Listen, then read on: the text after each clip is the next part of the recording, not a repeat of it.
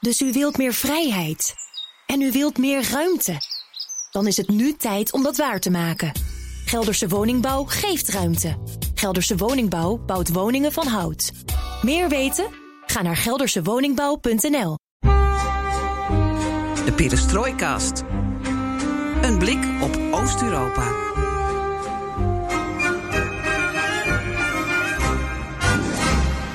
Welkom bij Perestrooi Quarantaine, een tijdelijke spin-off van de Perestroikast. Het is de vijfde aflevering alweer, Floris. En dat betekent dus in feite de veertigste aflevering van de Perestroikast. Want? Want we hebben 35 reguliere afleveringen gemaakt en 35 plus 5 maakt juist 40. Dus dit is onze 40ste aflevering, podcastaflevering als duo. Nou, weet ik in ieder geval zeker dat ik dat 40ste jubileum heb gehaald. Gefeliciteerd jongen. Uh, nu nog het echte leven. Want dat kan ik zeker aanbevelen. Vertel even, hoe was jouw Pasen? Nog iets uh, Oost-Europees, Centraal-Europees gevierd? Nee, ik heb chocolade-eitjes gegeten en uh, naar Andrea Bocelli gekeken. En jij? Ah, wat ik heb gedaan? Nou, gewoon op het strand een beetje gewandeld en gefietst. Ja, een beetje gebanjerd. Langs het water. Dat, ja, klopt. Ja, nou, dat sluit mooi aan bij de bijzondere aflevering die we in de maak hebben. Want we gaan uh, naar Kiev. Virtueel. Flaneren langs de Dnieper of uh, Dnipro. Uh, die discussie, nou ja, die gaan we niet aan. Maar gedurende dit gesprek zal duidelijk worden wanneer iemand een Oekraïense en wanneer iemand een Russische term gebruikt. Maar als je langs die rivier loopt, dan adem je corona, maar ook weer niet. Want daar speelt het zich eigenlijk allemaal af. Ik moet altijd, als ik aan die rivier denk, moet ik altijd aan uh, Tsjernobyl denken. En vraag me af of je wel in die rivier kan zwemmen. Omdat Tsjernobyl, het water vandaar, komt uit in de Dnipro-Dnieper. Uh, maar goed, ja, ik met Crescenië kan je er altijd zwemmen. Hè? Als de patriarch het drie keer heeft gezegend en je bent onder water gedompeld... dan is het weer helemaal schoon voor de rest van het jaar. Oh, gelukkig. En ben je vrij van alle zonden. Ah, gelukkig. Nou, dan ga ik dat maar eens doen. Uh, je tast al een beetje aan. Komt het al een beetje... Uh, benoemt het al een beetje. Uh, over die Dnipro, Dnieper gesproken. Tientallen besmette monniken in het Lavra. Maar ook hardlopers en hondenuitlaters lopen langs de rivier. Ja, Jij had het al even over uh, Tsjernobyl. Uh, in de verte uh, doemt de rook op van de bosbranden daar. En dan denk ik weer, Oekraïne, in dat land komt geen ramp alleen.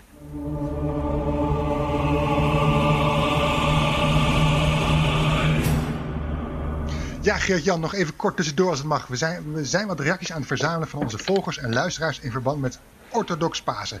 Want ook dat komt er namelijk aan en dat zal anders zijn dan normaal. In de volgende Perestrooikast zullen we daar uitgebreid op ingaan. Nou, dat is leuk. Want dan kan ik ook het verhaal vertellen van uh, Hanna Lindjuk. Een uh, vrouw in uh, West-Oekraïne die de kunst van het paasei beschrijven tot in de puntjes beheerst. Ik heb haar afgelopen zomer ontmoet. Het was heel bijzonder.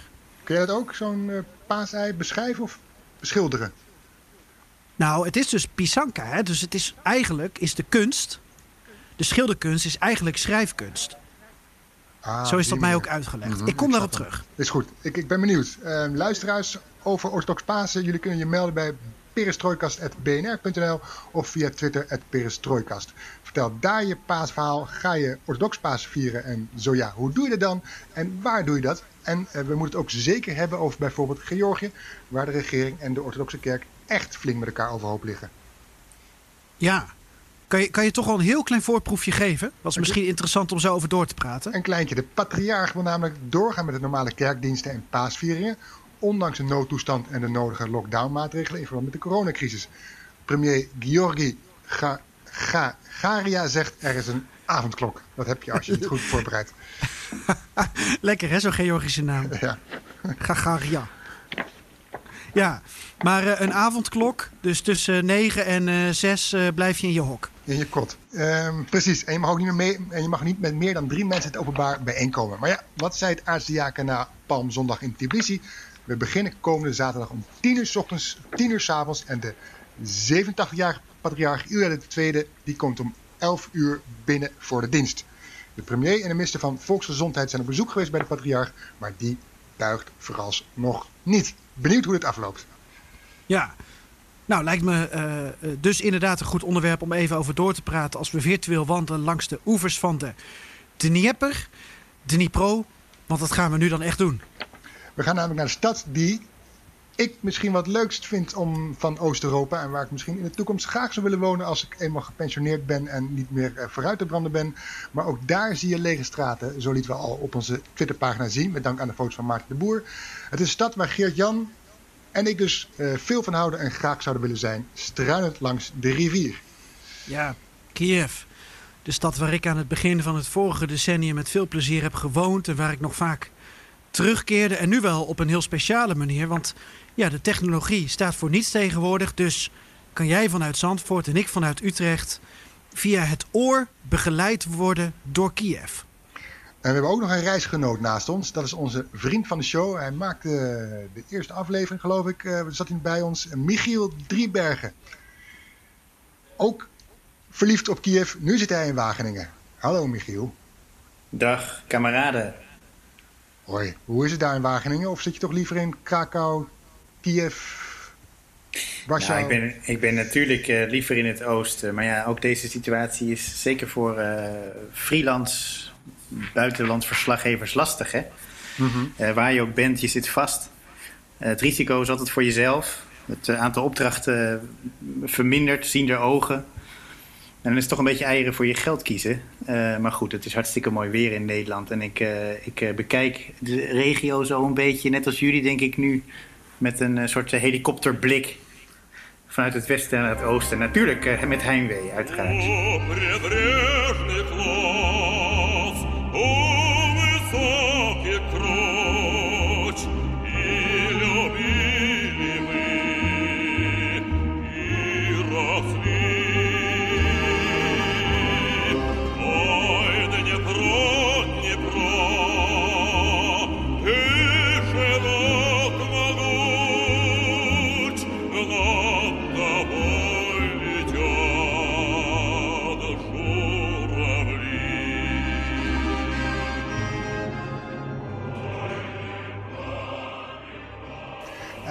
Even over de, over de uitspraak van die rivier. Wat zeg jij eigenlijk? Dnieper? Dnipro?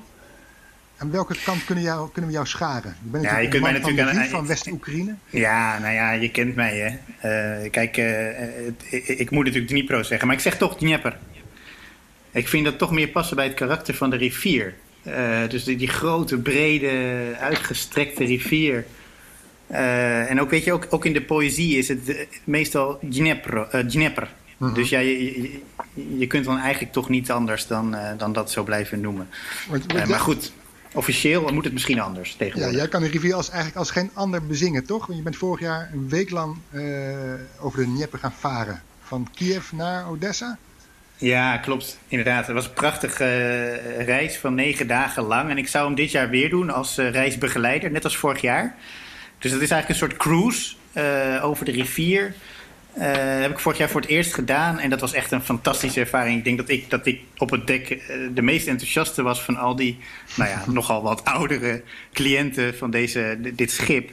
Uh, en ik zou het dit jaar weer doen. Maar ja, dat, cruises zijn ongeveer... Ja, dat is echt het laatste wat je moet doen in deze tijd. Dus ook dat gaat dit jaar niet door, helaas. Uh, verschrikkelijk is dat, uh, moet ik zeggen. My cameraman and I have been enjoying marvelous views on the Dnipro River for over two hours. We started our journey from a dock near the Natalka Park. It is one of the starting points for new routes opened in Kiev. Hey, we worden zo op, uh, op sleeptouw uh, genomen als we virtueel naar Kiev gaan. Als jij uh, vanuit Kiev ehm, met jouw cruiseschip de haven verliet, wat, wat, wat zag je nog van Kiev vanaf de Dnieper? Oh, de zon. Dat was echt zo mooi. Ik, ik weet dat nog als, als de dag van gisteren. Dat, ik heb er volgens mij ook een foto van gemaakt. Dat ik de zon zag achter de Rodina Mat. een beetje zag ondergaan, het begin van de avond. het was zomers. Uh, ja, en dan besef je pas uh, vanaf de rivier hoe machtig die stad is en hoe ongelooflijk oud. Het is een duizend jaar oude stad. Toen, toen waren wij in Nederland nog helemaal niks. Uh, en ja, dat is, dat is, die, die rivier die wordt dan alleen maar wijder en wijder. En op een gegeven moment kom je langs nou ja, plaatsen als Gerson en Zaporizhia, waar de Kozakken zijn. Die zijn er nog steeds. En ja, soms zie je zelfs de oevers niet, zo breed is die rivier. Maar bij Kiev is het. Bij Kiev is eigenlijk de, is, is, is de stad de parel. Dan kun je eigenlijk niet. Dan vergeet je even de rivier en dan kijk je vooral naar die machtige stad en die koepels van het Lavra. Prachtig. En ja, ik ben uh, jaloers op die andere gast, want die, die is daar nu. Ja, onze reisgids voor deze drie reisgenoten is namelijk Manfred van Kesteren... die eigenlijk als enige van ons elke ochtend nu nog langs de Dnieper zijn rondje kan hardlopen. Manfred, goeiedag. Goeiedag uh, Geert-Jan en uh, Floris en Michiel. Uh, ja, goed jullie te horen. Ook, ook leuk om, om een keer bij jullie aan te mogen schuiven. En wat een wilde dat jij nog langs die prachtige rivier mag lopen. Ja, ik mag niet klagen. Het is inderdaad, zeker de afgelopen dagen, hè, was het prachtig weer hier nog in Kiev. Ook bij jullie in Nederland heb ik begrepen, maar hier was het ook heel, heel mooi weer. Uh, en inderdaad echt genoten met een paar korte wandelingetjes, want dat kan hier nog, komen we straks ook nog op terug. Uh, genoten van, uh, nou, van de Dnieper en, nou, en de mooie omgeving. Ja. Manfred, jij bent in de lead. drie journalisten zitten bij jou op gepaste afstand op de achterbank. Nou ja, laten we zeggen, Michiel is de bijrijder en Floris en ik zitten op de achterbank. En jij mag ons begeleiden door, door, door Kiev in coronatijd, door um, ja, uh, struinend langs de Dnieper in, in coronatijd. En we zijn dus eigenlijk allemaal een beetje jouw, jouw sidekick. Um, kan je ons mhm. eerst meenemen naar jouw, jouw woonwijk? Waar woon jij in Kiev? Ja, ik woon uh, samen met mijn vrouw, uh, twee kinderen en de kat. Wonen wij in, uh, in Oberlon. Dat is zeg maar het, het stadsdeel wat zeg maar meer aan de noordkant van Kiev zich bevindt. Uh, mooi gelegen aan, uh, aan diezelfde de Dnieper of de Dnipro. En uh, nou ja, daar, daar woon ik samen met het gezinnetje. En dat is dus eigenlijk een heel ander stuk waar Michiel is geweest met zijn cruise. nou, ik denk dat hij hier niet is langs geweest met de cruise, als ik het zo inschat, Michiel. Nee, dat klopt ja. We, we, we starten vanuit uh, Podiel, hè, de benedenstad. En toen zijn we meteen richting de Zwarte Zee uh, afgevaren. Dus uh, Obolon ligt echt noordelijker. Hè? En uh, ook hartstikke mooi, veel natuur, prachtig. Ja, ja. En, en Manfred, wat, wat, wat brengt jou eigenlijk in, in, in Kiev? Hoe lang, hoe lang woon je daar al en, en wat voor werk doe je? Kan je een korte introductie van jezelf geven voor de luisteraar? Ja, korte introductie. Nou, ik, ik woon hier nu zeg maar permanent een jaar of vijf, vijf à zes alweer. Uh, maar ik ben hier al werkzaam sinds 2007, 2008, rond die tijd. Uh, ik werk in de, in de financiële sector, binnen, binnen, binnen de overheid, in de publieke sector. Uh, nou ja, goed, en uh, op, zeg maar, vanuit hier werk ik in diverse projecten.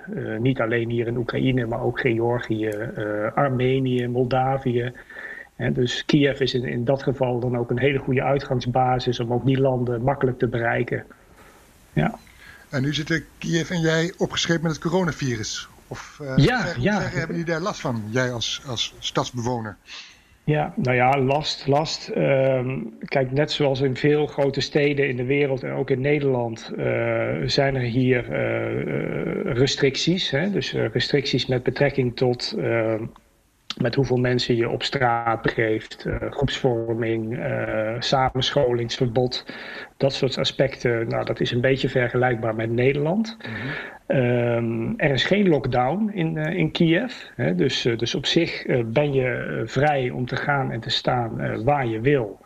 Uh, maar je bent dan wel verplicht om een, uh, om een masker te dragen in de openbare ruimte. Daar was in het begin nogal wat rumoer over, want het was vrij onduidelijk wat nou precies onder die openbare ruimte uh, kon worden verstaan. Hè. Zijn dat openbare gebouwen of is dat de straat uh, nou ja, uh, waar, waar, je loopt, is, zijn dat uh, passages?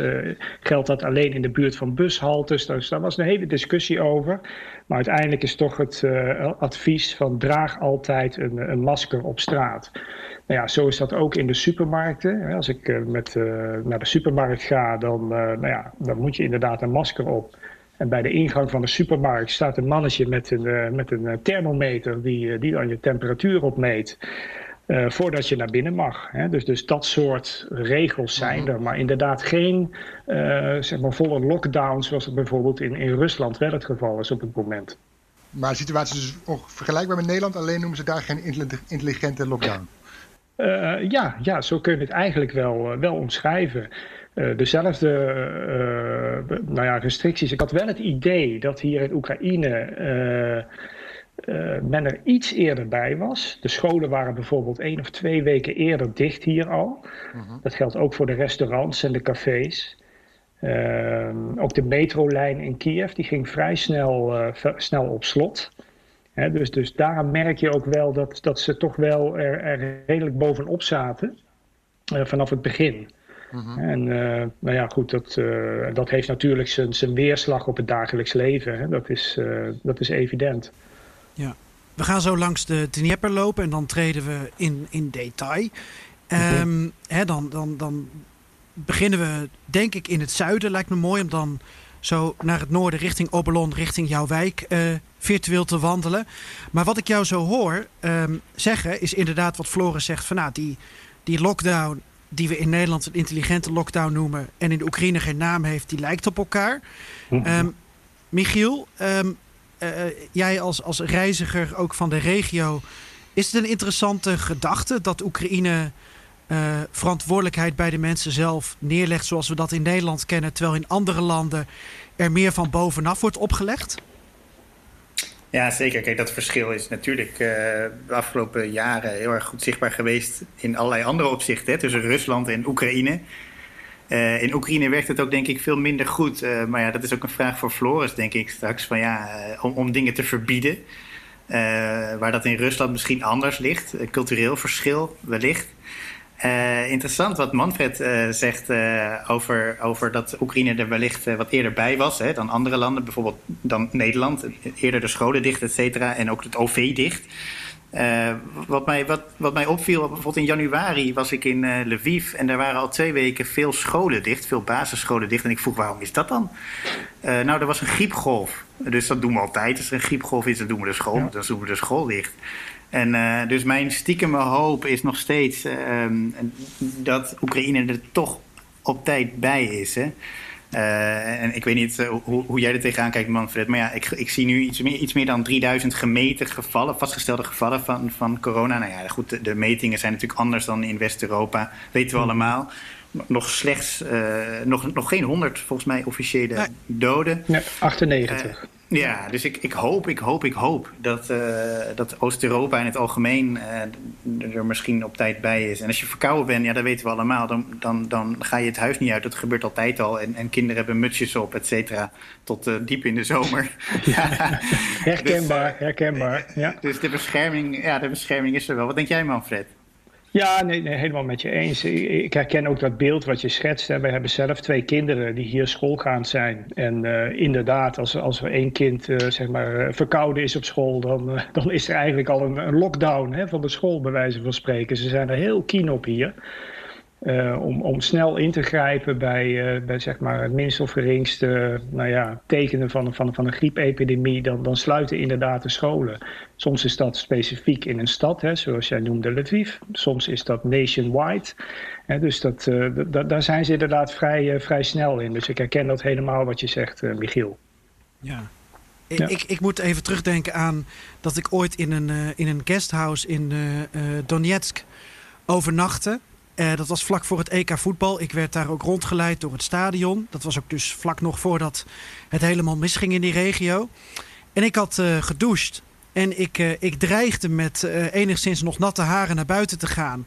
En de gastvrouw die, ja, die blokkeerde mij gewoon. Want hoe haal ik het in mijn hoofd om met natte haren ja, naar buiten te gaan in Oost-Oekraïne in de winter?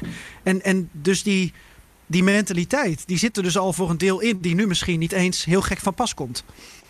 Ja, dat klopt. Dat klopt. Ja, ja.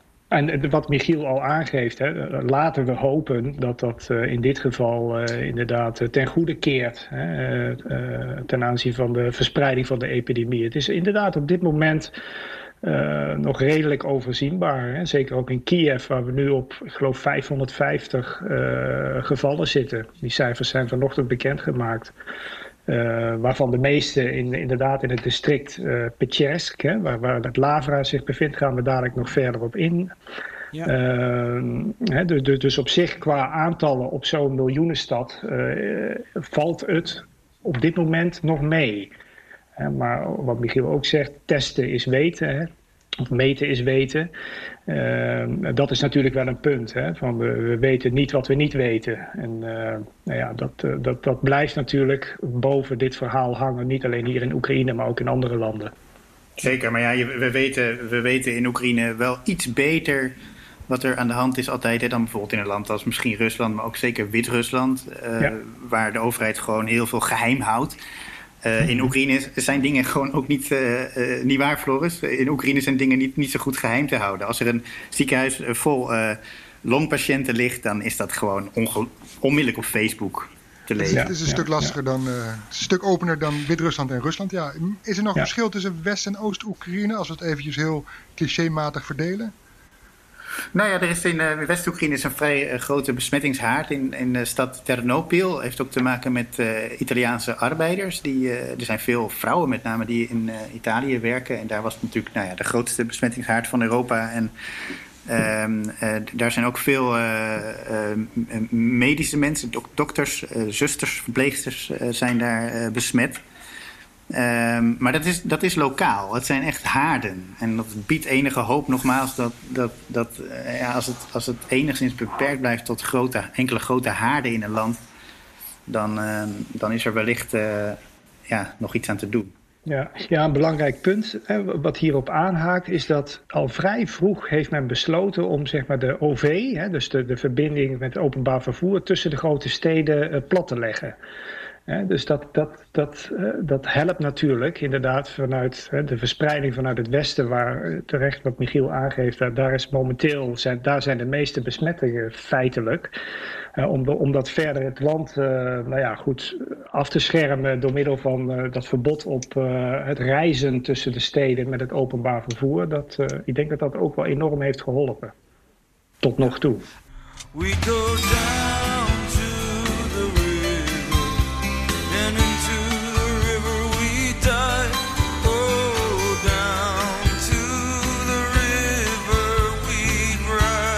Dan nu langs de rivier lopen. Laten we een, een virtueel rondje maken. Uh, Manfred die komt daar nog veel. Um, laten we dan in het zuiden beginnen. Uh, zo dadelijk Botanische Tuin, Rodina Mat, Lavra.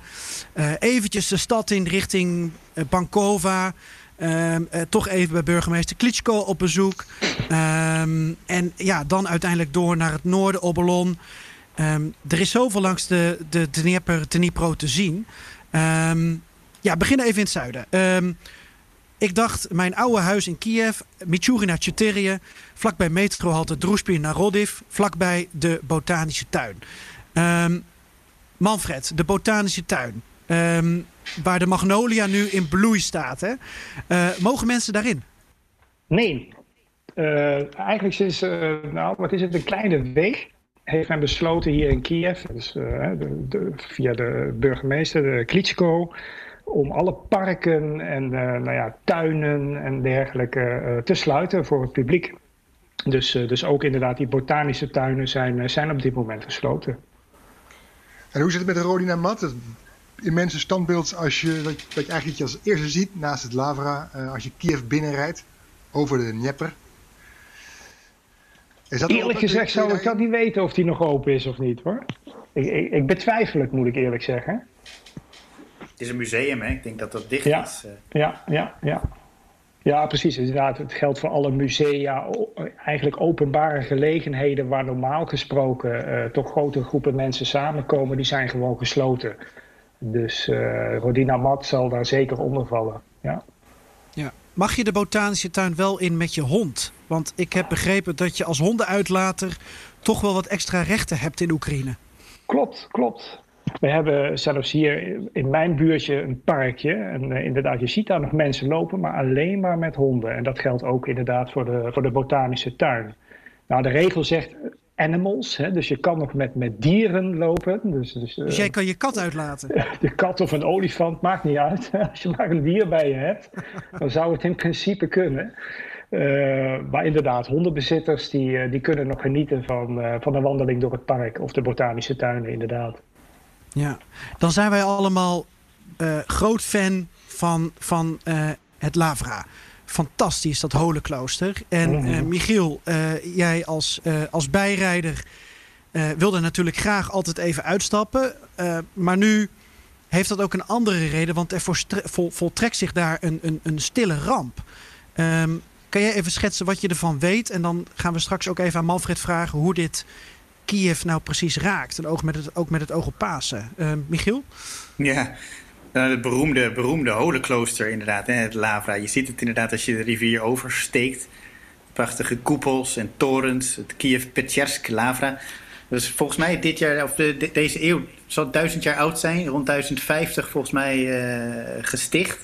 En een van de belangrijkste kloosters in de Russisch-Orthodoxe kerk. Hè. Dus valt onder Moskou nog steeds, ondanks die hele splitsing van, uh, van Kiev afgelopen jaar. en daar zijn inderdaad, nou, ik, ik, ik denk dat er nu iets van 90, maar misschien zelfs wel meer, officieel 90 um, ehm, bewoners van het Lavra. Of dat allemaal monniken zijn, dat is een beetje onduidelijk. Er zijn allerlei kerken, er zijn kloosters, er zijn ook allerlei mensen die daar in, nou ja, in de schoonmaak werken, bij wijze van spreken, priesters. Uh, maar er is ook een theologische faculteit. Uh, die is overigens. Het is een enorm complex, hè? Ja, precies. Die theologische faculteit was al meteen dicht hoor. Uh, samen met allerlei andere universiteiten. Dus, dus daar zal het niet zijn. Het zal met name onder de monniken zijn. Maar daar zijn inderdaad 90 gevallen van corona geconstateerd. En eergisteren, volgens mij op één dag, of afgelopen zondag, paaszondag hier, waren er de 63 gevallen van de 80 coronagevallen in Kiev nou ja, die waren daar in dat, uh, in dat Lavra-krooster. Het is, het is een prachtig uh, gebouw, inderdaad, groot complex. En je kunt daar ook, ook, onder de grond, in de grotten. Die zijn kilometers lang en er liggen dan gemummificeerde uh, ja, priesters, heiligen uit een ver verleden. ik ben er ook een aantal keer geweest. Je mag alleen met een, een brandend kaarsje in je hand, mag je dan onder die kerken en kloosters lopen in die grotten. En daar is het koud en, en vanwege die, dat speciale klimaat zijn die zijn die lichamen uh, zijn nog helemaal intact. Die zie je niet, want die liggen mooi opgebaard onder een soort van, nou ja, onder een kleed. Ze zijn aangekleed, maar mensen kussen dan die, die, uh, die heiligen op, de glazen platen. Um, en ja, de glazen kisten waarin ze liggen. En er hangen alle iconen. En het is. Ja, dat, dat klooster, dat beroemde klooster, dat is dus nu uh, ja, besmet. En ook sinds uh, Klitschko, de burgemeester, heeft het inderdaad helemaal in quarantaine gezet, dat klooster. En ja, uiteraard waren ze er daar laat bij. Uh, ze zeggen wel de Moskou-orthodoxe kerk, uh, wordt dan beweerd. Hè? Die waren er het laatste bij. Dus de, de leiders van, die, van het Lavra zeiden ook van... nou ja, de overheid, de staat, moet je niet per se gehoorzamen. Er zijn ook sinds vorig jaar allerlei conflicten eh, tussen de staat en die kerk, met name die Moskou-orthodoxe kerk. Dus de Moskou-orthodoxe kerk vindt dat de Oekraïnse regering zich veel te veel heeft gemengd in die, uh, in die kerksplitsing. Uh, en ja, dus, dus de staat wordt per definitie binnen die muren van het Lavra, de Oekraïnse staat dan gewantrouwd. Uh, en ja, je ziet nu ook min of meer wat er van komt. En, en wat ik wel opvallend vond, de abt, abt Pavel, de metropoliet van het Lavra, die uh, heeft ook eigenlijk toegegeven dat ze er te laat bij uh, waren. Een beetje deemoedig zei hij van ja, we hebben het onderschat, dat coronavirus. Hij is zelf waarschijnlijk ook geïnfecteerd, hij is in elk geval ziek.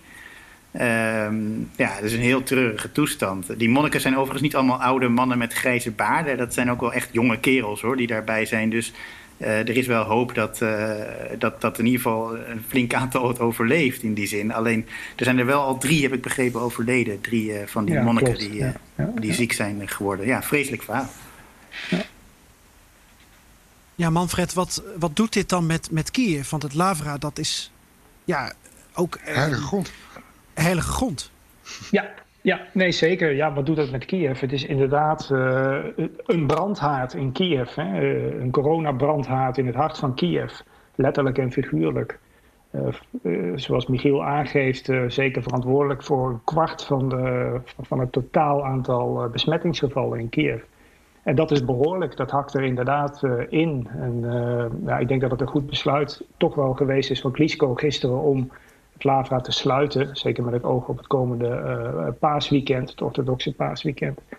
Um, ja, het is uh, maar bezien hoe dat zich verder ontwikkelt. Hè? Want het is tot gisteren inderdaad nog wel open geweest, heb ik uh, begrepen. Nou ja, ook gezien de incubatietijd van, van, het, van het virus, van, van, van twee weken, ja, zou je in kunnen schatten dat over een week of twee wat meer gevallen uh, nog, uh, nog erbij komen, gerelateerd aan het uh, lang openhouden van, van het lava. Mhm. Je noemt het al Ja. een beetje, Manfred. Eh, orthodox Pasen komt eraan. Wat, wat, Ja. wat staat er te wachten in combinatie met het coronavirus? Wordt dat, dat kan niet zoals altijd voluit worden gevierd en eh, kerken worden bezocht. Nee, klopt. Ik, ik las vanochtend dat inderdaad het eh, ministerie van Volksgezondheid hier ook echt nadrukkelijk erop heeft gewezen om eh, nou ja, eh, dergelijke diensten eh, niet te organiseren. Dus om inderdaad met Pasen dit jaar zoveel mogelijk thuis te blijven. En eh, nou ja, er is een beetje zorg van in hoeverre is zeg maar, het apparaat eh, de, de politie eh, in staat om dat te handhaven, om, om dat te controleren. Daar, daar, zijn nog wat vragen over. Maar men doet vooral weer een beroep toch op, eh, nou ja, eh, op, eh, op het verstand en op het eh, nou ja, eh, vermogen om, om daar zelf mee om te gaan van, van, van, de mensen in Kiev. Om, eh, om toch wijs te zijn en thuis te blijven met, eh, met het Pasen dit jaar. Ja. Zie je dan zo meteen, Michiel, dat alle kerken die eh, onder Moskous patriarchaat eh, vallen, eh, komend weekend allemaal open zijn en, en die, die Oekraïne aanhangen, eh, orthodoxe kerk eh, gesloten zijn? Krijg je zo'n tweedeling zien? Nee, dat geloof ik niet Nee. hoor. Want ook, ook, ook het Lavra was al grotendeels eh, dicht. En ondanks dat ze het er eigenlijk niet mee eens waren, hebben ze er toch toe, toegestaan. Zeg maar. Dus in die zin is er denk ik wel redelijk wat gehoorzaamheid. Alleen ja, Manfred zal het straks zien eh, met Pasen. Of dat ook echt eh, gehonoreerd wordt en door welke kerken. Dat is, Mhm. dat is inderdaad een vraag. Eh, maar ik heb niet het idee dat er in die zin een, een, een, een, een conflict, dat het religieuze conflict, wat er wel zeker is, hè, Ja. kerkelijke conflict, dat het in die zin eh, uitpakt. En ja, kijk, ook de Moskou-orthodoxe kerk, om het zo maar eens te noemen, hebben gewoon te maken met, eh, met burgers van Oekraïne die, die eh, het zij verantwoordelijk zijn of niet. En die ook wel druk uitoefenen op hun kerkleiders, zoals we dat ook in Polen zien bijvoorbeeld, om, om kerken te sluiten. Dat komt ook Ja. vaak vanuit de gemeenschap zelf. Van, ja, wij zijn bang voor onze gezondheid. En ja, eh, eh, de zorgen over gezondheid zijn er sowieso vaak wel hè, in, eh, in Oekraïne. Dus, eh, maar goed, ja, ik ben benieuwd, Manfred, of die, of, of, eh, hoe, hoe dat gaat straks. Ja, ja, ja, we gaan het zien volgende week. Ja, want Komend Manfred, weekend al, eh, ja. jou, jou, eh, eh, ben je met een Oekraïense getrouwd of een Nederlandse? Met een Oekraïense. Ja. Ja, jou, jouw schoonfamilie of misschien eh, vrienden bij jou in de buurt. ehm, hoe, hoe, hoe, die, die, die dan ook eh, wellicht religieus zijn. Hoe kijken die naar dit dilemma? Want welke autoriteit, waar moet je nou eigenlijk naar luisteren? Hè? Is dat naar Zelensky en Ja. Klitschko? Of is dat naar de, de patriarch? Of ehm, ja, er wordt ook veel van je eigen verantwoordelijkheid gevraagd. Wat merk je daarvan in je eigen omgeving? Nou, eerlijk gezegd, ik vrij weinig. eh, omdat inderdaad mijn schoonfamilie, die wonen niet in Kiev. eh, die wonen in Poltava Oblast. Dat is een stukje verderop. Eh, op het platteland. En eh, nou ja, goed, die, eh, die gaan inderdaad wel gewoon het, het Pasen vieren in de, in de thuissfeer. Doen wij hier ook. Wij doen dat altijd vrij bescheiden met een paascake en et cetera. Dus, dus, dus in die zin ja, heb ik weinig zicht eigenlijk op hoe mensen er, er, echt in staan. Dat zal zich inderdaad moeten bewijzen volgend weekend. Of, of mensen inderdaad het, eh, het in zich hebben om, eh, om, toch eh, af te zien van bijeenkomsten in, in de kerken. Hey Floris, even iets anders. Het ging al even over het mooie weer, ook in, in de Oekraïne. Wa- wat wel eh, vaak eh, als een, een Oost-Europees fenomeen wordt gezien, hè, is dat, ehm, dat met name mannen met elkaar eh, buiten gaan sporten om de spieren even op te pompen. Ik zou eerder zeggen eh, schaken in het Shevchenko-park in Kiev. Ja, ja, ja. Ja, ja. dat ook. Dat ook, ja. Dat, dat beeld heb ik me. Ja, hoe ga je schaken op anderhalve meter afstand? Doen ze dat eh, in het Shevchenko-park momenteel, eh, Manfred? Tja. Nou, Shevchenko Park ben ik al even niet meer geweest. Eh, maar inderdaad, het, het sporten, het samen sporten. In, in hoeverre ik daar hier zicht op heb, hè, eh, op de, zeg maar, de openbare sportgelegenheden hier, dat ligt wel vrij stil hoor, op het moment. Is ook niet toegestaan. Het is, eh, valt ook onder die verordening van het sluiten van parken en sportfaciliteiten. Ja, want als we dan bijvoorbeeld eh, vanuit het Lavra eh, de rivier oversteken en halverwege in Hydropark bijvoorbeeld uit zouden komen. Een groot eiland waar ook eh, gerecreëerd wordt. Ehm, wordt er dan eh, gehandhaafd op, op picknicken, op die spieren oppompen, op barbecuen? Uh, worden er drones ingezet? Is er patrouille op het water? Hoe moet ik dat voor me zien? Wat weet jij daarvan? Nou, ik zie dat inderdaad om me heen. Ehm, eh, dat er uh, gepatrouilleerd wordt. Hè. Dus, dus, dus, aan de oevers van de Dnieper uh, nou ja, zie je geregeld groepjes agenten lopen die, ja, die, die, handhaven op het, inderdaad op het verbod om inderdaad massaal zeg maar, bijvoorbeeld op het, op het strand te begeven of, of te gaan zwemmen. Vallen die agenten nog om te kopen of niet? ik heb het nog niet geprobeerd. Oh. Nee, nee.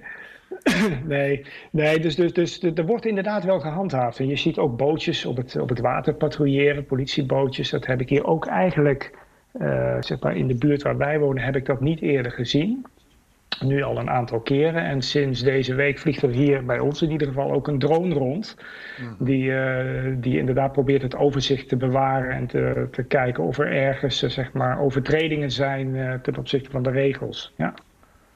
Zit daar nog in, in Oekraïne, hè? hier heb je discussie van apps en privacy en, en dat mhm. soort dingen. Heb je dat ook in Oekraïne, die discussie, of niet? Of wordt daar heel anders tegen aangekeken? Michiel, weet jij dat ook? Poeh, goede vraag. Ja. Ik weet niet of er een discussie is over privacy. Dat, dat moet Manfred zeggen, denk ik. Maar mhm. ik, ik, ik denk uh, dat als er iets goeds gebeurt op dit vlak, uh, met nadruk op iets goed, dan, uh, komt dat, uh, nou ja, dan komt dat vanuit de, de vrijwilligers, denk ik. Uh, mm -hmm. ik, weet niet, ik weet niet wie die drone bijvoorbeeld heeft ingezet, maar grote kans dat, mm. ja. dat die drone komt uit een, een club die voortdurend met drones in de weer is. het zij in Oost-Oekraïne bij, dat, bij die gevechten daar mm -hmm. gebruikt worden, of ja. het zij voor dit soort dingen. Want nou ja, de staat heeft voor dit soort dingen vrij weinig geld. -hmm. Maar privacy, Oekraïners zijn in, in, principe vrij kritisch op de staat, kan ik wel zeggen, in elk geval. Hè? Ja, ja. ja. Trouwens, leuk wat je aanhaalt, eh, Michiel, die, die, die, private initiatieven. Dat, dat is inderdaad wel een punt wat je heel veel ziet nu, uh, nu hier. Dus bijvoorbeeld supermarktketens of, of ondernemingen die, uh, die op allerlei manieren inderdaad proberen bij te dragen aan, nou ja, aan deze crisis. Hè, om te kijken van wat, wat kunnen wij doen vanuit, vanuit de private sfeer. En ook inderdaad vanuit de sfeer van vrijwilligerswerk. Bijvoorbeeld mijn vrouw uh, die, die zit ook in een naaiateliertje twee, drie dagen in de week. Om uh, nou ja, zeg maar beschermende uh, pakken voor, voor de medische zorg te maken achter een naaimachine. Ja, want de mondkapjes die worden echt ja. en nu geproduceerd in Oekraïne. Hè? Ik las klopt, een miljoen klopt. per dag, per week. Ja, ja, dat is een gigantische ja, business, kan je bijna wel zeggen. Dat, dat is inderdaad, uh, er zijn enorme aantallen.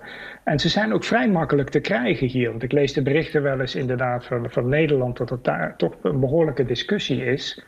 Het verkrijgen van de mondkapjes. Maar hier is dat toch, ja, online zijn wij er in ieder geval in geslaagd om vrij snel, uh, zeg maar, diverse mondkapjes, ook van diverse kwaliteit moet ik erbij zeggen uh, in te slaan. Hè.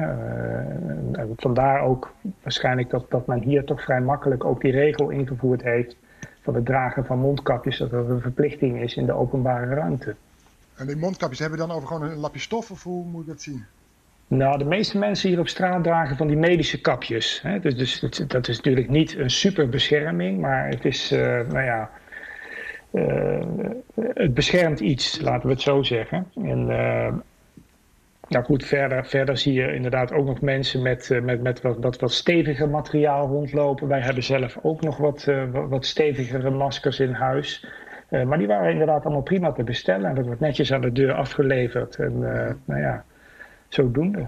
Even, even terug naar Kiev, naar, vanuit het Hydropark zometeen door naar Podil. Ehm, nog even een tussenstop in het politieke hart van de stad, Manfred. Um, mm -hmm waar ligt nu de macht? Uh, welke macht heeft de burgemeester, oud-bokser Klitschko? En uh, welke macht heeft de landelijke overheid?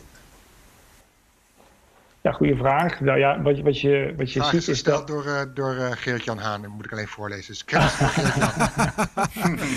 Floris houdt zich zo goed aan de draaiboeken. Ja. ja, ja. Nou ja, je ziet dat, dat, dat, dat Klitschko, dat feitelijk de burgemeester op zich wel, uh, in ieder geval voor de stad Kiev natuurlijk, uh, die bepalingen zeg maar uit eigen initiatief, hè, bijvoorbeeld het sluiten van de metro, het sluiten van de parken, uh, dat was in eerste instantie toch uh, de burgemeester die dat, uh, Klitschko, die dat verordende. en je ziet dan al vrij snel dat de, dat de landelijke lijn op zich daar, daar natuurlijk zich wel op aansluit al vrij snel. dus ja, goed. Dus, dus ja, dus om nou precies te zeggen van waar ligt nou, uh, ligt nou die macht, is een beetje vergelijkbaar met de Nederlandse situatie, denk ik, waar burgemeesters ook vanuit hun mhm. eigen uh, autonomie uh, ook beslissingen kunnen maken ten opzichte de, van de openbare veiligheid of de openbare gezondheid. Ja, ja. En, en Michiel, jij als, als Bankova-watcher, de Bankova-watcher van Nederland, um, hoe, hoe, doet Zelensky het? Hij is natuurlijk gekozen eh, van, van ja, ik ga die oorlog beëindigen, ik ga de corruptie beëindigen. En nu wordt hij opeens geconfronteerd met een heel ander probleem. Ja, dat is natuurlijk ook een test voor, voor hem. Weer een test, zou ik zeggen, voor uh, Zelensky. Uh, hij, hij zit een eigenlijk een beetje... Ja, precies. Ja, inderdaad, nu een jaar, ja, bijna. En hij zit een beetje onder de knoet van het IMF, hè, het Internationaal Monetair Fonds. en, maar van de weeromstuit zou hij dan toch nog kunnen uitgroeien tot een soort van hervormer, zeker nu. Dus zijn een week of twee geleden twee uh, enorme grote wetten door het parlement heen gejast. Door hem hoogstpersoonlijk. Maar onder druk van het IMF. De een gaat over de landbouwhervorming en de ander gaat over een bankhervorming. Zodat uh, die oligarch Kolomoisky niet meer zijn bank terug zou kunnen krijgen. De privaatbank die uh, genationaliseerd is een aantal jaar geleden nou ja, ingewikkeld verhaal. Maar in elk geval is Zelensky de man die uh, die hervormingen erdoor moest loodsen. En dat kan nu eigenlijk alleen maar omdat uh, hij zegt van ja, als we dat nu niet doen, parlement, dan uh, krijg ik geen geld van het IMF. En zonder dat geld van het IMF kunnen wij ja, Oekraïne niet redden eh, van de economische crisis die nu al uh, schrijnend is. Uh, en, en wellicht ook te zien, daar kan Manfred uh, misschien wel iets over vertellen. maar die, die druk van het IMF is nu, is nu belangrijk en, en daar drijft Zelensky en dus Bankova momenteel op, denk ik. En die miljarden die lijken er toch echt aan, aan te komen. En dan wil Zelensky, heb ik begrepen, vooral ook MKB'ers redden. Althans, dat heeft hij gezegd. Hij zegt MKB'ers zijn de zijn de, de, de adem van, van de maatschappij. Nou, dat, dat heb ik nog nooit een Oekraïense president horen zeggen. Uh, ook Poroshenko zeker niet. Uh, al die oligarchen, uh, die willen helemaal geen MKB'ers.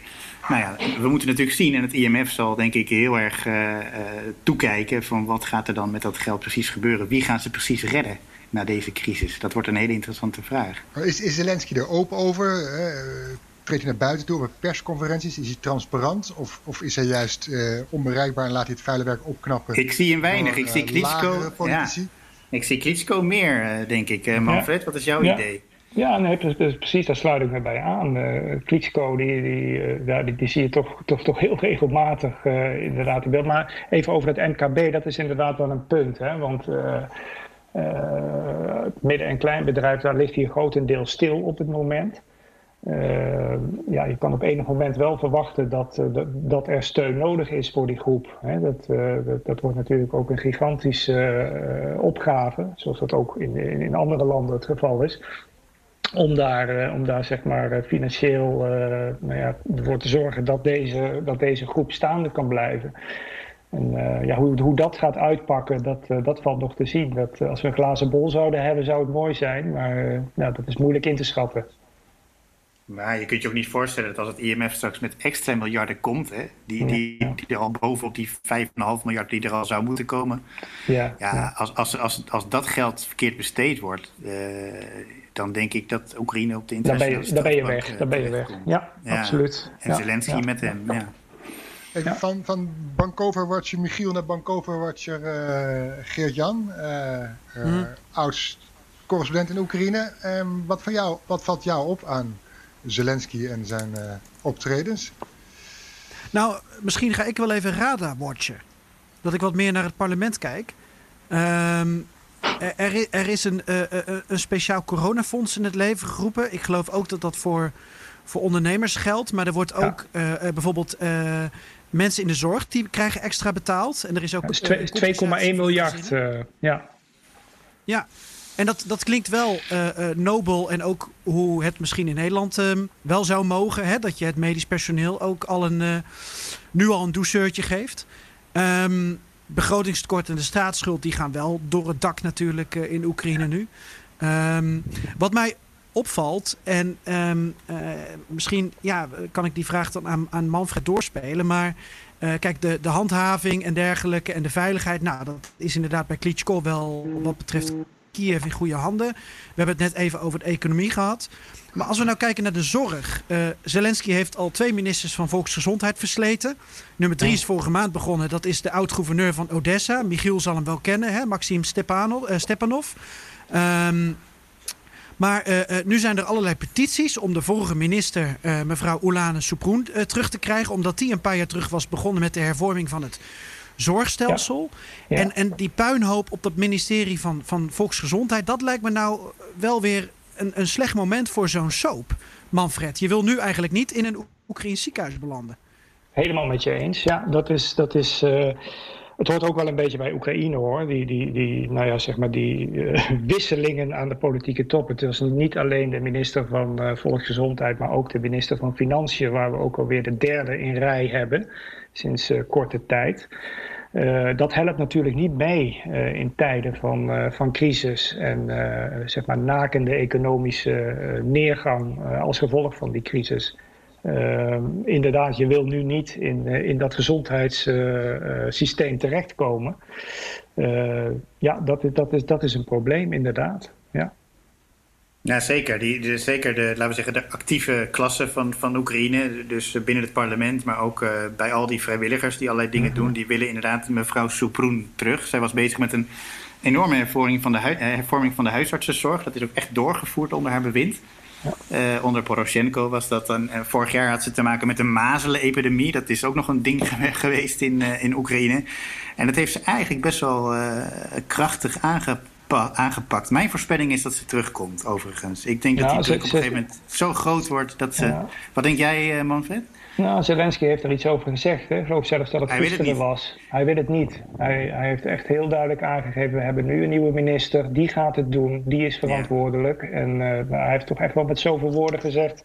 dat uh, Soeproen uh, nou ja, eigenlijk geen kans maakt op een terugkeer op het moment. Ja. We zullen zien. Ik, uh, ik, ik, ik hoop dat uh, met haar ook in ieder geval de mensen die met haar waren op dat ministerie uh, nog wel betrokken zijn. Zeker. Mijn, ja. mijn indruk ja. is van wel, want dat, ja. zij, was niet alleen, maar had een hele schare van uh, jonge lui achter zich die uh, enorm ambitieus waren met die gezondheidszorg. Ja, dat, dat kan eigenlijk Oekraïne zich niet permitteren om die, uh, om die mensen te laten afhaken, denk ik. Floris? Yes. Jij bent Heb je al honger? Jij, nou, nog niet echt hoor. Oh. ik wil wat, wat eten of drinken. Uh, en ik wil vooral weten of dat kan. Uh, dat kan. Want ik heb vaak... Uh, oh, gelukkig. Ja, want ik, ik ben vaak in, in Podiel... die enorme sfeervolle wijk, die benedenstad... ben ik vaak wat gaan eten of drinken of ander vertier mm. gehad. Um, wat kan wel, wat kan niet, Manfred? Nou ja, eten en drinken is, is uitgesloten. Hè? Dus als je naar een restaurant of een pub wil, net als in Nederland, dat is, dat is onmogelijk in, in Podiel uh, op dit moment. Het is er ook vrij stil op straat. Ik ben er onlangs een paar dagen geleden nog geweest. Hè? Dus, dus het is vrij uitgestorven. Het is niet de, zeg maar de levendige wijk die het eigenlijk altijd is. Hè? Zeker in die, in die hoofdstraat waar de restaurants aaneengeschakeld zijn. is, is, het, is het inderdaad altijd, altijd druk en er is altijd vertier. Dat is op dit moment niet het geval. Ja. En Michiel, dat kabeltreintje, of Manfred, uh, rijdt dat nog of niet? Oh ja, het kabeltreintje. Ah, de funicolor. De funicolor, funicolor ja. uh, ik, moet, ik, moet, eerlijk bekennen dat ik dat niet weet. Ik weet niet of die, of die, of die nog in, uh, in dienst is. Ik, ik, ik, denk het eerlijk gezegd niet, want het valt natuurlijk gewoon onder het reguliere OV. Hè? Ja, ja. ja. Tja. Ja, ik, moet, ik, ik ben eigenlijk, laten we zeggen, in mijn geest uh, ben, die, ben ik in Podiel. Want ik ben momenteel die prachtige roman Witte Garde van Bulgakov aan het lezen. Die speelt zich af in Podiel. Hè. We hebben natuurlijk dat prachtige museumpje van Bulgakov in, in de Andriivska ja. Uh, in Podiel, uh, halverwege die, uh, die dat steile straatje naar boven. ja, dus voor de mensen dan, die het niet weten, dat is een straatje met enorm verrotte steentjes. Dat, dat wel weer ja. laatst is aangepakt, geloof ik. Maar waar wel ongelooflijk veel cultuur is en ongelooflijk veel te zien is. Met een historie van heb ik jou daar. Inderdaad, ja. En, en, en Bulgakov schrijft dan over die burgeroorlog van 1918... waarin de, de Witte Garde het opneemt, of in ieder geval verslagen wordt... eigenlijk in de pan gehakt wordt door de, de boeren Oekraïnse troepen van Petlura... Eh, en dan, dan, dan, de, de, officieren die de hoofdpersonen zijn in dat prachtige boek, die, uh, die vluchten dan terug naar hun huisje aan dat straatje. Uh, en dat huisje, dat is nu dat prachtige museum. dus ik, nou, die, die binnenplaatsen, die straatjes, die, die donkerte van die stad, de leegte ook, denk ik, van die stad, die, die beleef ik nu eigenlijk van heel dichtbij. Ook al ben ik zo ver weg uh, van Podiel. En uh, nou, dat, dat is prachtig, uh, prachtig om, om te herlezen. En, en, en er is ook een prachtig museum. Museum van één straat. Aan het begin van, die, van dat straatje. En daar ben ik ook een paar weken geleden dan nog geweest. Toen het nog net kon. waarin eigenlijk de historie van dat, van dat straatje wordt verbeeld. Met allerlei voorwerpen uit die straat van 150 jaar of 200 jaar lang. Uh, Andriivska-straat. ja, prachtig, prachtig. Want ben jij met gierende banden uit Kiev vertrokken, Michiel? Niet zozeer, maar ik, ik denk dat ik... Uh, ik was die zondag was ik er nog. De zondag dat eigenlijk alles gesloten werd. En toen ben ik weggegaan. Toen, toen was er nog een vliegtuig die... Uh, gek genoeg, ik dacht dat die helemaal vol zou zitten. Maar het vliegtuig was... Uh, bijna helemaal leeg. Dus nou, ik zat met drie andere. Afstand, prima. Ja, ja. ik zat met drie anderen in, in een enorm vliegtuig, wat echt een bizarre ervaring was. Maar het, het Bulgakov Museum helaas was toen al dicht vanwege de corona. Dus ik kon daar niet meer nog een keer gaan kijken.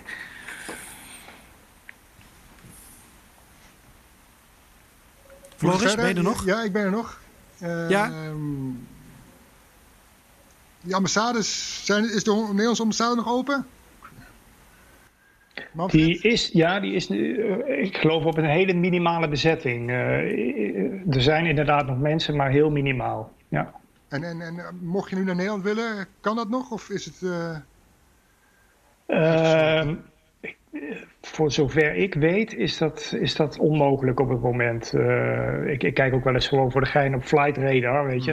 Mm. Even kijken hoe ligt Boris Pol erbij. Nou, er vliegt bijna niks meer hoor. Dus, mm. dus dat, dat wordt een moeilijk verhaal. Overige vliegvelden in Oekraïne zijn overigens al langere tijd gesloten. Hè, zoals bijvoorbeeld Lviv. ja. ja. ja. Ja, in Podiel daar zitten de ambassades, hè? Uh, ook, ja. uh, ook, de Nederlandse, Contra Kova. um, ja, dan, dan, dan steken we verder door naar het noorden en dan belanden we in de wijk van Manfred in Obelon. Uh, ja. Jij, jij mag nog een ommetje maken. je loopt regelmatig hard met een mondkapje op. Dat vind ik sowieso een bijzonder beeld, want het lijkt me heel vervelend. Um, ho hoe is het om daar naar buiten te gaan nu? Um, ja, uh, feitelijk zoals het eigenlijk altijd is. Hè. Het, is het is prachtig aan de oevers uh, hier in Obelon. Uh, en zoals je aangaf, ik vind het lekker om ochtends even een stukje hard te lopen. Maar inderdaad, dat moet met de mondkapje nu. Hè. Dus we hebben een doos van die medische mondkapjes. Dat zijn de meest lichte die er zijn. nou ja, en ik hou me netjes aan de regels natuurlijk. Hè. Dus, dus, voordat ik de deur uit ga, gaat het mondkapje om. En dan, nou, dan gaan we rennen langs de oever. Ben je en, uh, vanochtend nog geweest? Of gisterochtend? Uh, nee, vandaag even niet, want het heeft flink geregend. Uh, toen we vanochtend wakker werden, was het echt flink aan het plensen buiten. Ik ben wel van plan later vandaag nog even een rondje te maken. Oh ja. Hoe, hoe ziet je rondje er dan uit? Nou, normaal gesproken uh, ga ik richting, nou ja, in de richting van de, nou, dat heette vroeger de Moskovski uh, Most, hè, de Moskovski mhm, Bridge. De brug, uh, dat heet nu de Severny Most, hè, dus de noordelijke brug. In het Oekraïens Pivnitsny Bridge, Most. Hè, dus, dus in die, vanuit zeg maar Oberlon loop ik die kant op. En dan ga ik meestal door het, door het parkje. Dat heet Natalka Park. Dat is twee jaar geleden geopend door uh, Klitschko. Uh, draagt de naam van zijn vrouw. Prachtig parkje. Waar ook een uh, klein atletiekbaantje is. Dus gedurende het rondje pak ik daar nog een paar rondjes mee op de atletiekbaan. En ja, vervolg dan weer de weg. Ja, even een sprintje en vervolgde me dan weer de weg uh, naar boven eigenlijk, uh, richting uh, Oberlon naar Brezhnaya. Hè. Dat is de, de boulevard hier langs de Dnieper, om zo dan weer terug te keren huiswaarts. Dat is mijn normale rondje, maar nu ziet hij er iets anders uit, want je mag het park niet meer in. Het park is afgesloten nou, vanwege de verordening. En er patrouilleert uh, politie, hè, dus regelmatig zie je inderdaad, uh, die dragen gele hesjes. Dus je ziet ze al in de verte aankomen. Dus ja. dan doe ik mijn mondkapje even extra goed, uh, goed voor de mond. en dan, nou ja, dat, dat, is eigenlijk de situatie nu. Dus de route is ietsje anders. Ik moet het park overslaan. En nou ja, ik, ik volg gewoon de Dnieper om zodoende mijn kilometers te maken. Ja. ja. zo te horen zit uh, Floris driftig mee te tikken. Heeft hij aantekeningen gemaakt uh, bij jouw ja. uh, rondje? Was it me? Oh, zit Michiel aantekeningen te maken? Maar Sorry, die kent jongens, Kiev toch al? ik zat driftig mee te pennen met, met alles wat Manfred zegt, uiteraard. Ja, dat snap ik. Alleen het, het, het gekke is, Floris... Je kan het allemaal terugluisteren, Michiel. Ja, Dat is waar. Terugluisteren. Hey, maar ja, ja, maar jong, jongens, wat we in het begin al even aanstipten. Um, ik noemde het, uh, in, in Oekraïne komt de ramp nooit alleen. Ja, bij dat hardlooprondje van Manfred, daar zie je nu ineens rookpluimen en, en, en het ruikt verbrand. Ja. En dat heeft dan weer te maken met dat de bossen bij Tsjernobyl nu in de hand staan. Het is echt, nou, het, het is echt weer een Oekraïens verhaal.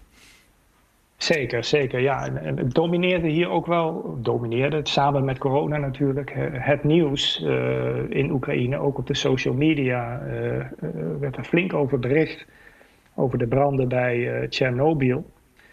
en inderdaad, dat merk je. Je merkt het hier in, in Obelon. zodra wij de ramen openzetten, ruikt het huis naar, naar brand. Hè? Is er gewoon echt een brandlucht buiten. Eh, hopelijk, hè, want ik gaf net aan, vanochtend heeft het hier flink uh, geplanst. Hopelijk uh, gaat dat een positieve invloed op het geheel hebben. De eerste berichten daarover heb ik vanochtend begrepen, zijn inderdaad ietsje positiever. maar goed, dat is ook maar even afwachten hoe zich dat de komende dagen weer verder gaat, gaat ontwikkelen. Maar het is inderdaad echt een ding hier, ja. Komen er met, met die coronacrisis, virus in Oekraïne herinneringen boven aan Tsjernobyl in 86 qua geslotenheid, qua beschermingsmateriaal, geslotenheid van de overheid. Informatie, desinformatie. Precies, ja. Uh, beschermingsmateriaal, gebrek aan uh, uh, optreden door de overheid. Mm Wordt daar aan gerefereerd in Oekraïne? Ja, ja, daar wordt aan gerefereerd, al, al, in een vrij vroeg stadium. En in ieder geval de geluiden die ik hoor hè, van mensen om mij heen, is men toch wel zeg maar, positief gestemd over het feit dat er nu inderdaad veel meer openbaar is. Er is veel meer informatie, er wordt veel meer gedeeld. Social media speelt natuurlijk een grote rol. Mhm. dus dat zijn wel aspecten die eigenlijk onvergelijkbaar zijn met, uh, met de Tsjernobyl-ramp. Waar, uh, waar dat inderdaad niet het geval is en waar veel onder het tapijt uh, werd geschoven. en mensen ervaren dat nu natuurlijk heel anders. Maar die vergelijking wordt natuurlijk wel, wel gemaakt. Ja. ja. Nu hebben wij even contact gehad met uh, Lars uh, Robel. Hij is van het uh, eh, RIVM in Nederland. Is toch wel de stralingsdeskundige van, van Nederland. En hij geeft aan dat er vooralsnog um, geen stralingsgevaar is. Daar wordt, of radioactief gevaar. Daar wordt altijd natuurlijk driftig door internationale pers aan gerefereerd. Als er ook maar iets gebeurt in de buurt van Tsjernobyl, dan is het alsof de wereld dus in brand staat. Um, maar ik geloof dat nu het effect uh, als volgt is dat, dat men in Oekraïne, ik weet niet of jij dat weet, Michiel, dat men in Oekraïne nu wat meer vreest voor dat Pripyat eventueel in vlammen opgaat en dat het dus wat doet met het Chernobyl-toerisme. Dat natuurlijk ook sinds de HBO-serie, die, uh, die yeah. van woensdag trouwens op Canvas te zien is op de Belgische tv. Oh. Uh, voor de mensen die het nog niet gezien hebben, dat dat nu weer uh, ja, schade wordt toegebracht. Ja. Zeker. Weer een nieuw verhaal, een nieuwe dimensie. Ja, weer een nieuwe dimensie, inderdaad. Ik, ik denk dat het, dat het, dat, althans het ministerie van Binnenlandse Zaken zegt dat de, dat de branden onder controle zijn. Hè. Nou, we moeten dat natuurlijk inderdaad, wat Manfred al zei, de komende dagen afwachten. Uh, maar inderdaad, Pripyat, dat zou grote schade opleveren. En wat je ziet is dat in die brandbestrijding ook, ook weer heel veel burgers actief zijn. En dat zijn met name mensen die daar in die zone ook uh, met dat toerisme bezig zijn. Dat zijn overigens ook echt wel mensen die bij die centrale betrokken zijn, die nog steeds wel deels uh, functioneert, of in ieder geval uh, open is, waar nog steeds mensen werken. Uh, en dat zijn ook de belangrijkste adviseurs van de brandweer. En, en nou ja, die maken zich natuurlijk allemaal heel erg zorgen. Maar inderdaad niet zozeer over de straling die vrij zou kunnen komen. Ook, uiteraard. Want dat is voor iedereen natuurlijk een zorg. Maar meer ook voor, ja, wat gaat dit doen met, met onze toekomst? Met die zomer die eraan komt, die vanwege corona al qua toerisme heel erg lastig zal worden. Eh, en inderdaad, als, als Pripyat beschadigd raakt, dan is dat uiteraard eh, een, een extra ramp op die ramp die er al, al, al, al geweest is. Eh, en wat, ik, wat ik wel begrijp is dat er allerlei nieuwe regels komen. Maar ik, ik ben benieuwd hoe Man- Manfred erover denkt om die fikkie-stokers tegen te gaan.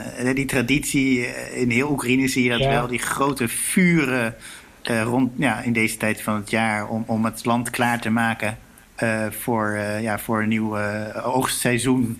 Eh, dat is echt een traditie. Daar kom, dat is een hardnekkige traditie waar je eigenlijk niet vanaf komt, maar wat eigenlijk deze vuren heeft eh, veroorzaakt. Nog maar eens een keer. 2015 was het overigens ook, hè? Zelfde situatie bij Tsjernobyl. ja. Dicht bij die reactor. Grote zorgen. Internationale media sprongen er bovenop. Viel uiteindelijk allemaal mee. Laten we hopen dat dat, eh, ja, dat, dat nu ook zo is. Ja, nou, de traditie die je noemt van het fikkie stoken, dat is inderdaad, dat is dat. eh, kijk maar, mijn vrouw die, die, zegt van, "Goh, we moeten hier echt wat aan doen, want het is, dit, het is verschrikkelijk. Het is inderdaad niet alleen nu in deze weken, maar het is inderdaad ieder jaar om deze tijd hangt er hier gewoon een brandlucht, eh, regelmatig, hè, als de wind eh, deze kant op staat. En eh, ik mag inderdaad hopen dat op enig moment daar wel wat, wat aan gedaan wordt. Want het is, het is soms echt heel erg dominant aanwezig, om het zo maar te zeggen. Kiev scoorde ook de afgelopen week, geloof ik, eh, als, als, eh, als nummer één, als meest vervuilde stad hè, eh, op dit moment. Dat heeft waarschijnlijk ook echt te maken met, met die branden. Dus dat Ja, zegt ook wel Door iets het over... coronavirus ligt juist heel veel aan vervuiling plat. En zou de lucht schoner dan ooit moeten zijn. Ja, ja, maar ja, het, het, het, het, het een sluit het ander niet uit natuurlijk. Hè? Want er wordt flink gestookt hoor, buiten Kiev. Floris, Ja. wat zei je? Eh, niet in Oekraïne. Daar loopt het toch altijd, an- altijd anders. Ja, Ja. En zo zijn we wel eigenlijk eh, helemaal de, de, de Dnieper afgevaren tot eh, een kleine zijtak die eh, de Pripyat heet en, eh, en uitkomt bij eh Tsjernobyl. Ehm, ja, we hebben wel lekker gewandeld, Floris. Ik ben eh, uitgeput. Ja. Heb je meer wegwegen gekregen dan ooit? Nee. Nou, dat is wel eerlijk, een dooddoener hoor voor het gesprek. Goud eerlijk is die altijd. Hè? Ja. Nou, gooi er nog even een goede vraag in. Tot slot, om de sfeer er weer in te brengen. Ehm, ja, ik ben toch benieuwd, Michiel, hoe is het in Mariupol en eh, corona? Nee, ik heb een mooie vraag voor je in het draaiboek staan. Dat is een eind wandelen. Ik ben benieuwd hoe het daar is. Je Ja, zou- nee, we, dat- zou- we zouden het in, over Donetsk hebben. Oost- Jij mist Mariupol, niet. hè, Floris? Je ik, mis ik Mariupol. mis Mariupol meer dan Kiev. Nou ja, ik snap dat wel. Ja, Nou ja. daarom. Als je Floris vraagt, dan dus heb ik dan... wegwerk. eh, Moet ik antwoord geven, eh, Ja. Ja, ik, eh, ja, Floris is ook baas. Hij is mede-eigenaar, dus dan mag ik. ja. Nee hoor, de antwoorden staat vrij. Hoeft niet. Ja, er zijn volgens mij bij, bij, in Oost-Oekraïne valt het nog heel erg mee. Fingers crossed. Mhm, ja. Zowel voor de burgers als, eh, als voor de mannen en de vrouwen die in de loopgraven liggen. Vooralsnog zijn de cijfers heel erg laag. Qua corona, althans. Laten we hopen dat het zo blijft. Want ik, weet, ik moet er niet aan denken, echt. Wat er gebeurt als, als daar. eh, er, zijn, er zijn daar een paar honderdduizend mensen zonder fatsoenlijke medische voorzieningen. Ehm, laat het AUB wegblijven. ja. En jij Manfred, eh, wanneer ga je weer de hort op Kiev in? Nou ja, zoals ik al zei, die, eh, vanmiddag een rondje hardlopen. En eh, daar blijft het dan wel bij voor vandaag, denk ik. Ja. En werken natuurlijk. Hè. En, en welke plek Dus, mis je eh, het meest momenteel? In Kiev of Ja, in Kiev. zijn algemeenheid? In Kiev. Waar je nu niet naartoe kan? Een lekker restaurantje. Shooters. Ja, ja, ja. Gouden ouwe, ja.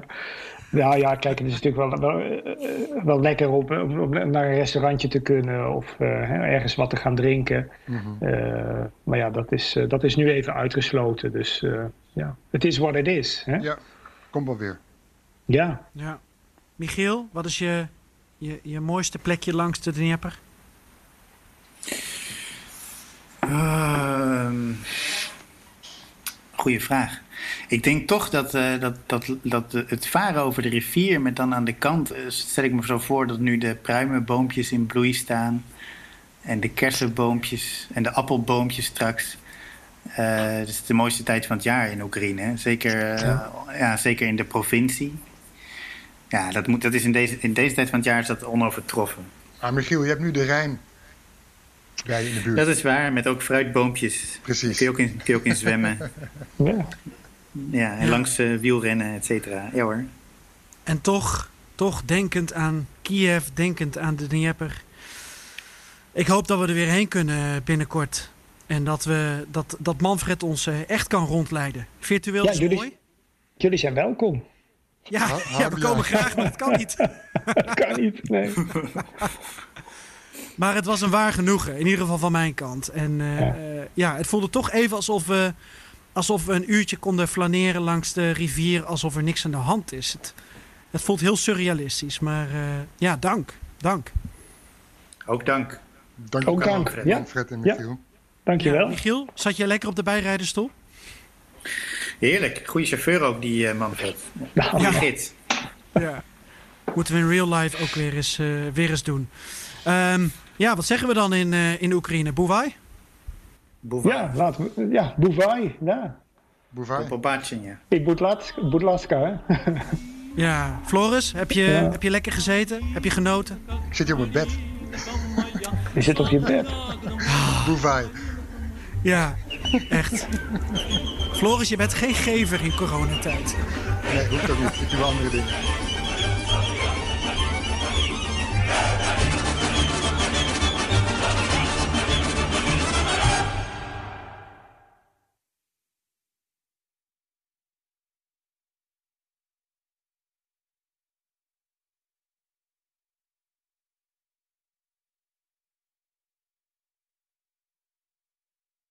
Dus u wilt meer vrijheid.